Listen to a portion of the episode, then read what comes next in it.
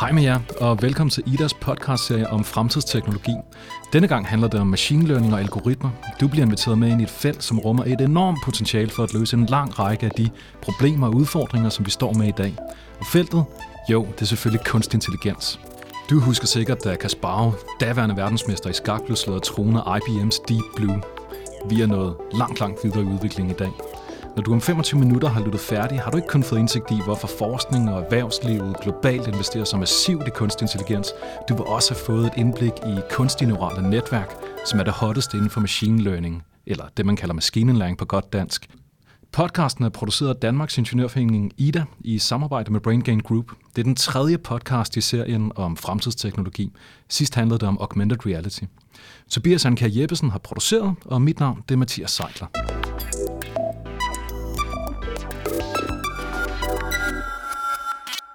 Thomas Terner har lavet PhD om kunstig intelligens og arbejder med hans egne ord på at formidle det glade budskab om kunstig intelligens.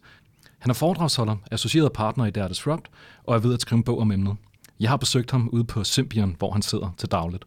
For mange er AI jo et øh, mystisk begreb. Det er sådan lidt, det er lidt magi for mange. Kunstig intelligens er sådan et paraplybegreb for øh, alt, hvad der egentlig ligesom foregår inden for området. Og man har historisk set har så delt det ind i to underområder. Det ene er sådan det, man kalder øh, symbolsk eller programmerbar AI, hvor vi prøver at tage al den viden, vi har, og skovle det ind i systemerne, enten i form af beskrivelser af omverdenen, i form af facts eller et eller andet, øh, som man typisk har brugt logik til. Og så er der den anden del, som er hele den øh, biologiske, eller den subsymboliske, som det bliver kaldt, som er der, hvor vi har øh, en, et forsøg på at efterligne sådan, som vi, vi mennesker er bygget op. Så det vil sige øh, evolutionære algoritmer og machine learning osv. Øh, og machine learning er sådan et, et overdækket, eller et, et begreb for i virkeligheden alle de metoder, hvor der er et eller andet læringselement inden for kunstig intelligens. Om lidt skal du møde Sebastian Risi. Sebastian er Associate Professor på ITU og Co-Director for forskningsenheden REAL. REAL står for Robotics, Evolution and Art Lab. Sebastian forsker i machine learning og udvikler de algoritmer, som gør AI-systemerne intelligente. Han stammer fra Tyskland, så interviewet det foregår på engelsk. Um, so yeah, my name is Sebastian Risi. I'm a uh, associate professor at the IT University of Copenhagen.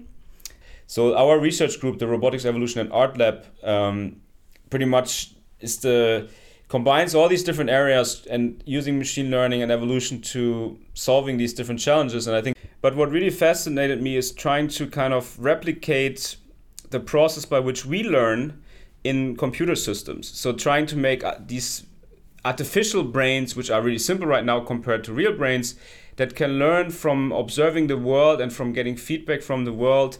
So instead of programming computers and robots, I want to give them the ability to kind of learn by themselves from observations and by interacting with the environment. And I think that's really fascinating. We use different, mostly like bio inspired algorithms to kind of create these machines. Like one algorithm that we often use is like this evolutionary algorithms, which try to take ideas from evolution in nature to optimize, for example, robot morphologies, but also robot brains. Så det handler altså om at replikere og lade sig inspirere dels af menneskets læringsprocesser, dels af evolutionære processer i udvikling af algoritmer. Algoritmerne bliver således et udtryk for det, man kan kalde kognitiv teknologi. Kunstige neurale netværk tilnærmer sig netop menneskets måde at lære på. Tilbage til Sebastian. But for example, neural network is especially right now it's very hot in in machine learning and especially this um, field called deep learning, where you have really complex neural networks that have a lot of layers and kind of try to learn uh, abstractions similarly to how our how our brain learns um, abstractions in a like a hierarchical uh, manner. 20 years ago, you had different AI algorithms that could perform really good at certain tasks. Like you had one algorithm that could beat the world champion in chess.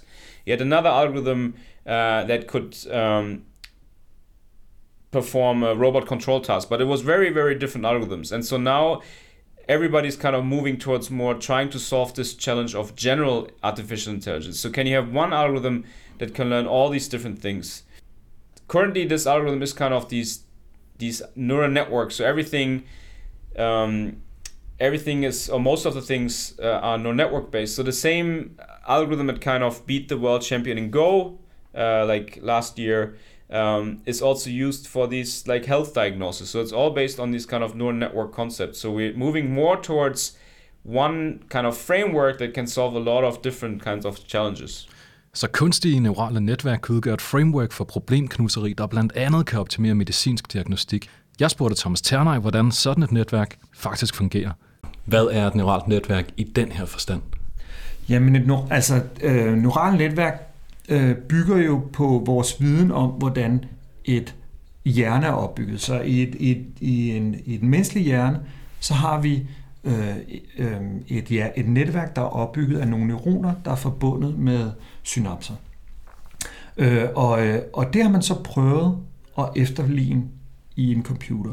Og det, der sker for eksempel i dit visuelle cortex, der er, der er to Nobelprismodtagere, der hører Hybler og Weissel, der har fundet ud af, at når, når du ser noget med dit øje, så foregår processeringen af det et lag. Så der er et simpelt netværk, som, øh, som processerer de simple input, og så bliver det stadig stadig mere komplekst. Så når du til sidst i den bagerste del af det neurale netværk, du har siddet i hovedet, der kan du så genkende meget komplekse former, som for eksempel mig. Øhm, det har man så prøvet at overføre til computerne, så vi har øh, nogle neuroner, nogle øh, forbindelser mellem de neuroner, som ved at noget matematik øh, indre øh, hvad kan man sige, styrke for øh, forholdet mellem de her neuroner, hvor stærkt de er bundet sammen. Og det betyder, at i de her neurale netværk, som vi laver i computerne, der begynder vi at kunne læse de mønstre, som kommer ind i data, og begynder at kunne lære på de data. Så vi har en computer, der ligesom dig, vi kunne genkende et ansigt af mig. Machine learning, eller maskinindlæring, handler i virkeligheden om at, at, at lære en relation mellem et input og et output. Så for eksempel et relation mellem 1000 billeder af mig, og sådan mit navn, eller genkend mig. Og det samme kan det være diagnose for eksempel. Okay, hvis jeg kigger på en patientdatabase med 4.000 datapunkter for 5.000 patienter, kan jeg så begynde at sige noget om, hvem er det, der i virkeligheden har øh, XYZ sjældne sygdom på baggrund af de her data. Øhm, og det er, det er noget, som, som læger måske ikke har så nemt ved, fordi de er svært for en læge. De kigger på dig, de er jo stadigvæk i den fysiske verden, og det er svært for dem inden for en sådan overskuelig tidshorisont at processere alle de data, kigge på mønstre i de data, og måske give dig en diagnose på noget, som, som øh, ikke ligger inden for deres ekspertisefelt. Eller måske er der så mange komplikationer i forhold til, eller de ser måske på grund af deres, deres øh, forforståelse for, hvordan den her sygdom giver sig udtryk, så ser de måske slet ikke den sygdom, som de ellers ville se, hvis de kiggede på data. Og det er der, vi kan bruge kunstig intelligens til at udvide det, som lægerne kan, og stille bedre diagnoser. Og grund til, at der sker så meget inden for kunstig intelligens nu, det er, at der er vel nogle, nogle kernedrivers bag. Dels så har vi en eksplosion i datamængden, dels så har vi en eksplosion i databearbejdningsevnen, jævnfør Mors lov. Er der, er der andre væsentlige driver? Hvorfor er det, det går stærkt nu? Det er, det er fremgang i, øh, i, hvad kan man sige, metoderne inden for området. Øhm, der sker rigtig, rigtig meget. Øhm, så, er det, så er det data, mængden af data, vi samler op, det er, det er eksplosionen i computerkraft, og så en ikke uvæsentlig betydning er også, at der er rigtig, rigtig mange, der har fået øjnene op for AI. Så der er rigtig, rigtig mange investorer, der er aktive inden for feltet. Så udover den forskning, der har været pågående inden for universiteterne i rigtig mange år, som jo sådan har været nogenlunde stabil, så er der også en massiv forskning hos øh, giganterne som Google og Baidu og alle de andre, som, øh, som virkelig poster mange penge i, og som opgraderer helt vildt på deres områder. Og det betyder jo, at der kommer masse flere folk inden for området og en masse perspektiver. Og så er der en lille ting, som må, eller igen, det er faktisk en stor ting, men som er meget relevant inden for kunstig intelligens, det er, at der altid været en kultur inden for AI-communityet om, at man delte sine forskningsresultater, og man delte sine tilgange, og man delte sine data, og man delte sine algoritmer og sådan noget. Og det gør man faktisk den dag i dag. Øhm, og det betyder, at, at, at, øh, at når Google laver noget fantastisk, så, når, så publicerer de deres algoritmer, så 14 dage efter har vi øh, studerende på DTU, der kan sidde og lege med den fremmeste forskning. Og det er heldigt, for anvendelsesmulighederne er kolossale, de er tværgående, og så kan teknologien give os overraskende interessant input til de steder, hvor vi har store blind spots. Læg særlig mærke til Sebastian Risi, når han fortæller om antenneoptimeringen i det, der kommer nu. One area that it has been used for a lot in the past is um, optimization. So you have a certain progress, like in a factory or uh, the the shape of a of a car, where you want to optimize certain aspects. So you want to, for example, the car you want to optimize the that it's uh, less wind resistant. Uh, and they also use this, for example, f- uh, to optimize the profile of um, of tires of wheels. That you want uh, like a tire profile that's good when you brake, it it stops really quickly. Another example where they use it for is um, evolving an, uh, an antenna. Uh, and this antenna was actually taken to uh, a couple of years ago into space because the antenna that it came up with is very unintuitive for humans. Like it has a very weird design, but actually because it is not const- restricted by what we humans think an antenna should look like, by just trying out different things in a kind of um, intelligent way or quasi intelligent way, it found a design that's better than any antenna that we designed before.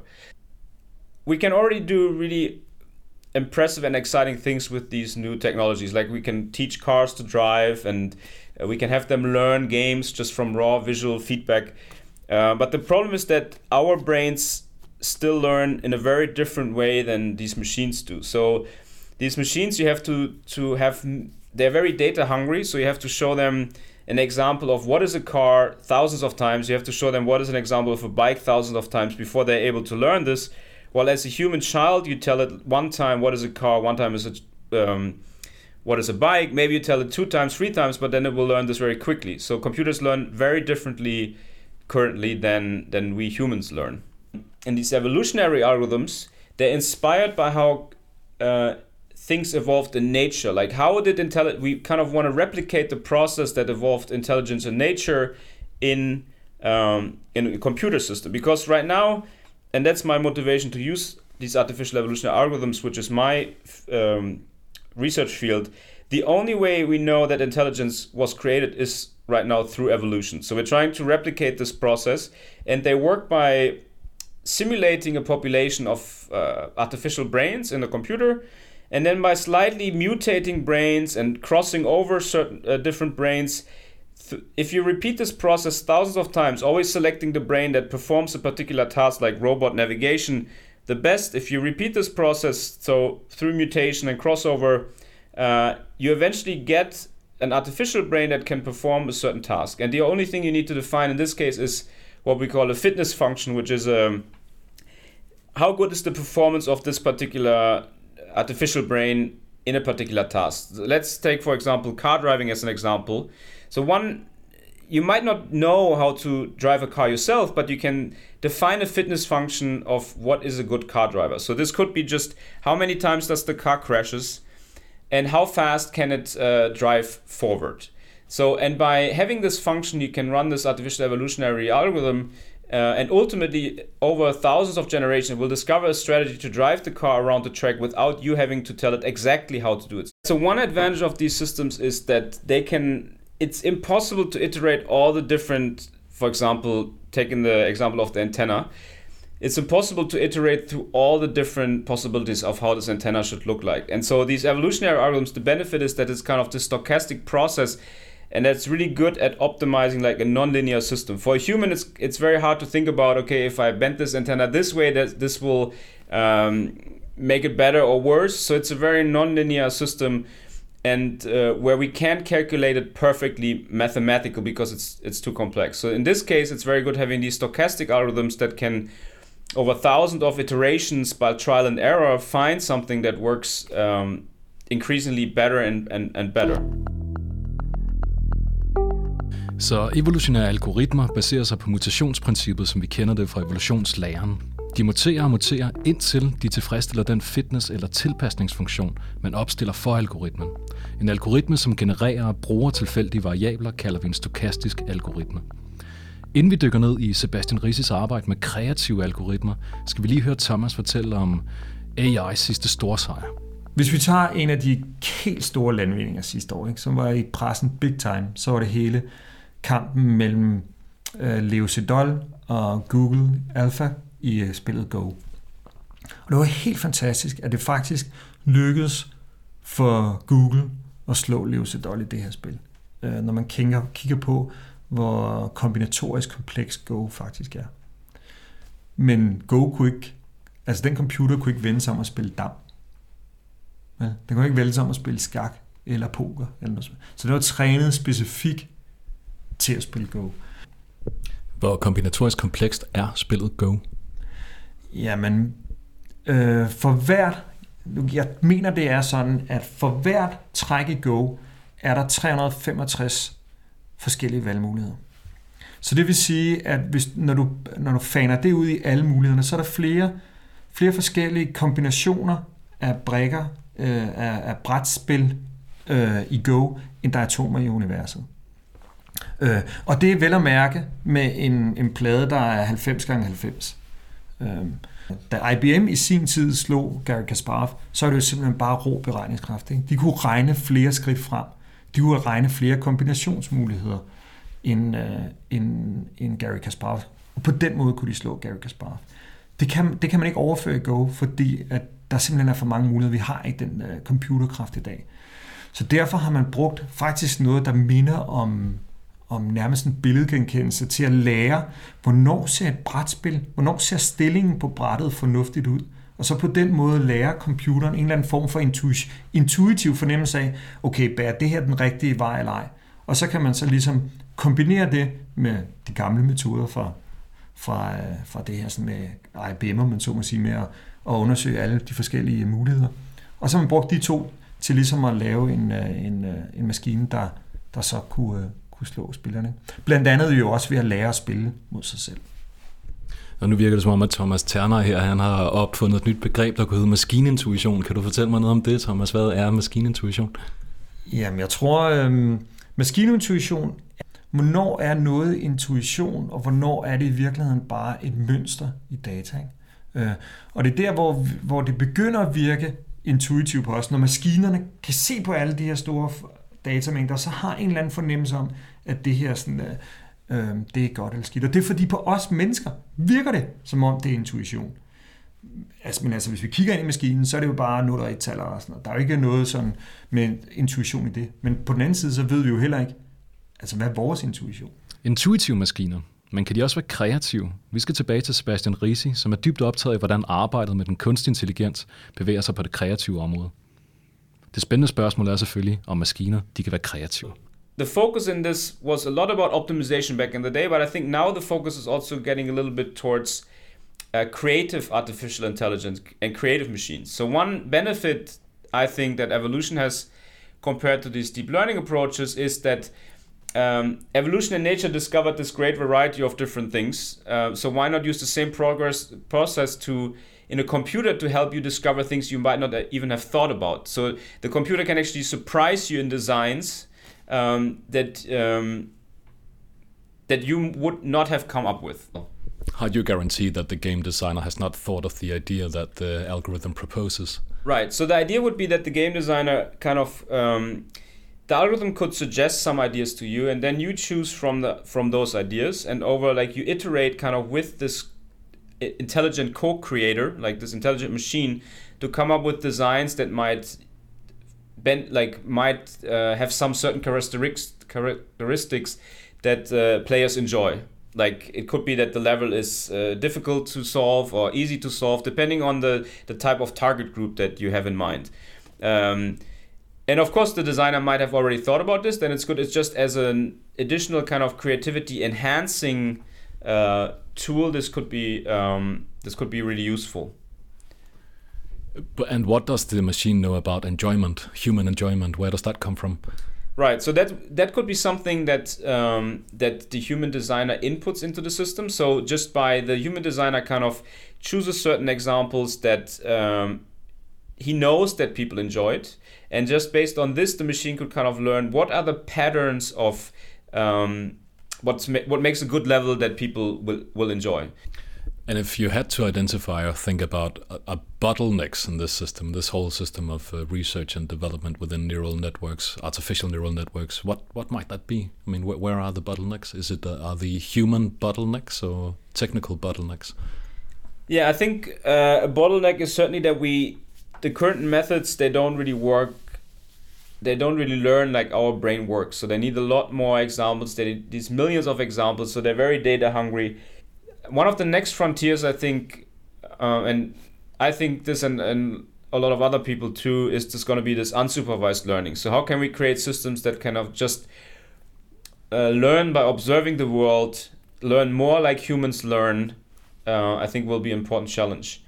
Um, and the other thing is, can we create computers that can kind of imagine things and and and um, explore different possibilities in their head? So we we have these computers that can now can learn autonomous driving, that can learn to play different computer games. But if I then tell the computer, okay, now in Pac-Man, always try to lose as fast as possible, or in car driving, try to if you can always drive uh, as slow as possible, as fast as possible, or imagine in, in Super Mario, suddenly if you take the mushroom, you become four times as large. If you're a human, you can imagine, okay, if this happens, I can imagine how would I play the game or how would I drive if I have to drive under these circumstances. But if a computer, you have to retrain the whole systems because current systems because they cannot imagine these these possibilities in, in their minds they're trained for a specific thing and that's what they do but it's not that i can just imagine these endless possibilities of what we can uh, imagine. And sebastian do you think computers have minds? Um, i guess the question is what is a mind? So that's a good question. I think it's a very good question too. Hvis vi virkelig skal, altså hvis vi skal nå til det menneskelige niveau af intelligens, det man kalder generalized artificial intelligence, altså generel kunstig intelligens, så, så, så kan vi ikke bare klare os med udviklingen i datakraft og beregningskraft. Der skal nogle fundamentalt andre metoder, end, end, end dem vi har, har til i dag. Øhm, og så kan man sige, hvorfor, hvorfor opfinder vi ikke bare dem? Ja, det er jo nok fordi vi ikke rigtig ved, hvordan er det, hvordan er det, vi tager det næste store kvantespring inden for AI. Øhm, hvad er det, der skal til? For at vi kan, vi kan, vi kan rykke tættere på menneskets kognitive funktioner. Men, men hvis man tager til analogien til en, øh, til en fugl, og det at flyve, øh, i rigtig, rigtig mange år, så har vi rundt og kastet os ud fra klipper og basket med vingerne. Ikke? Indtil vi fandt ud af, at det var, ikke, det, var ikke, det var ikke sådan, man byggede noget, der kunne flyve. Og det kan man faktisk overføre til kunstig intelligens. Ikke? Altså der, der, øh, Øhm, det, er, det er jo slet ikke sikkert, at de metoder, vi har nu, er, er det rigtige. Og det er slet ikke sikkert, at vi kommer hen til at kunne lave det kunstige menneske eller en kunstig fugl, selvom det er der nok en del, der vil satse på, at vi gør. Men, men, øhm, men vi har jo allerede lavet øh, kunstig intelligens, der langt outperformer mennesket. Vi er nu i starten af 2017. I dag tager det få dage at træne et kunstigt neuralt netværk. For to år siden ville det have taget flere uger. Vi er også en del af et eksponentielt accelererende paradigme, hvor både datamængden og processorkraften eksploderer. Der fletter sig samtidig en automatiseringsbølge ind i udviklingen, som indtil nu primært har påvirket nedefra, altså overtaget håndens arbejde. Men i kraft af nye kognitive teknologier som kunstige neurale netværk, evolutionære og kreative algoritmer, presser automatiseringsbølgen nu også på oppefra, og det kommer til at påvirke f.eks. læger, advokater og kreative. Husk at tjekke show notes for podcasten ud og gå på opdagelse i linksamlingen til alle de emner, vi har diskuteret. Podcasten, du har lyttet til, er produceret af Ingeniørforeningen Ida i samarbejde med Brain Gain Group. Tobias Anker Jeppesen er producer, og jeg hedder Mathias Seidler.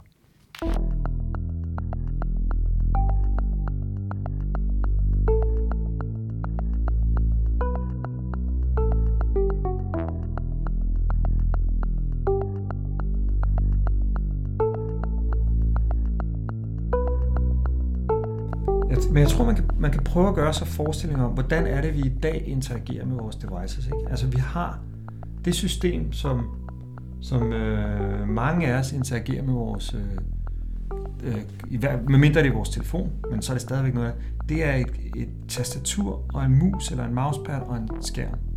Og det som, det som er ligesom, øh, øh, det the promise of AI, det er, at vi vil interagere med vores omverden på en helt anden måde, fordi den tilpasser os til vores personer, forstår, hvor vi er henne, og hvor vi er på vej hen.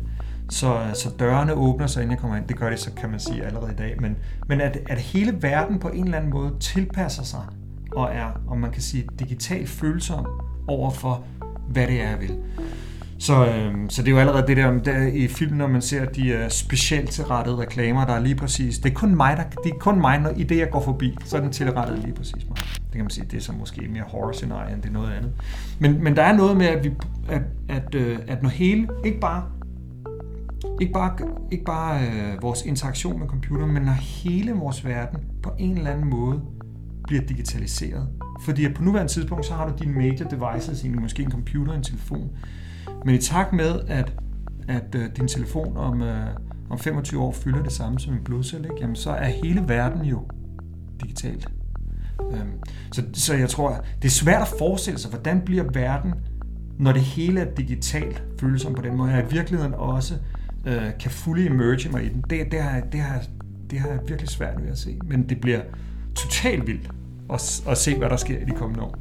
Øh, og, det, og det kommer helt sikkert til at gå meget stærkere, end, øh, end vi forestiller os.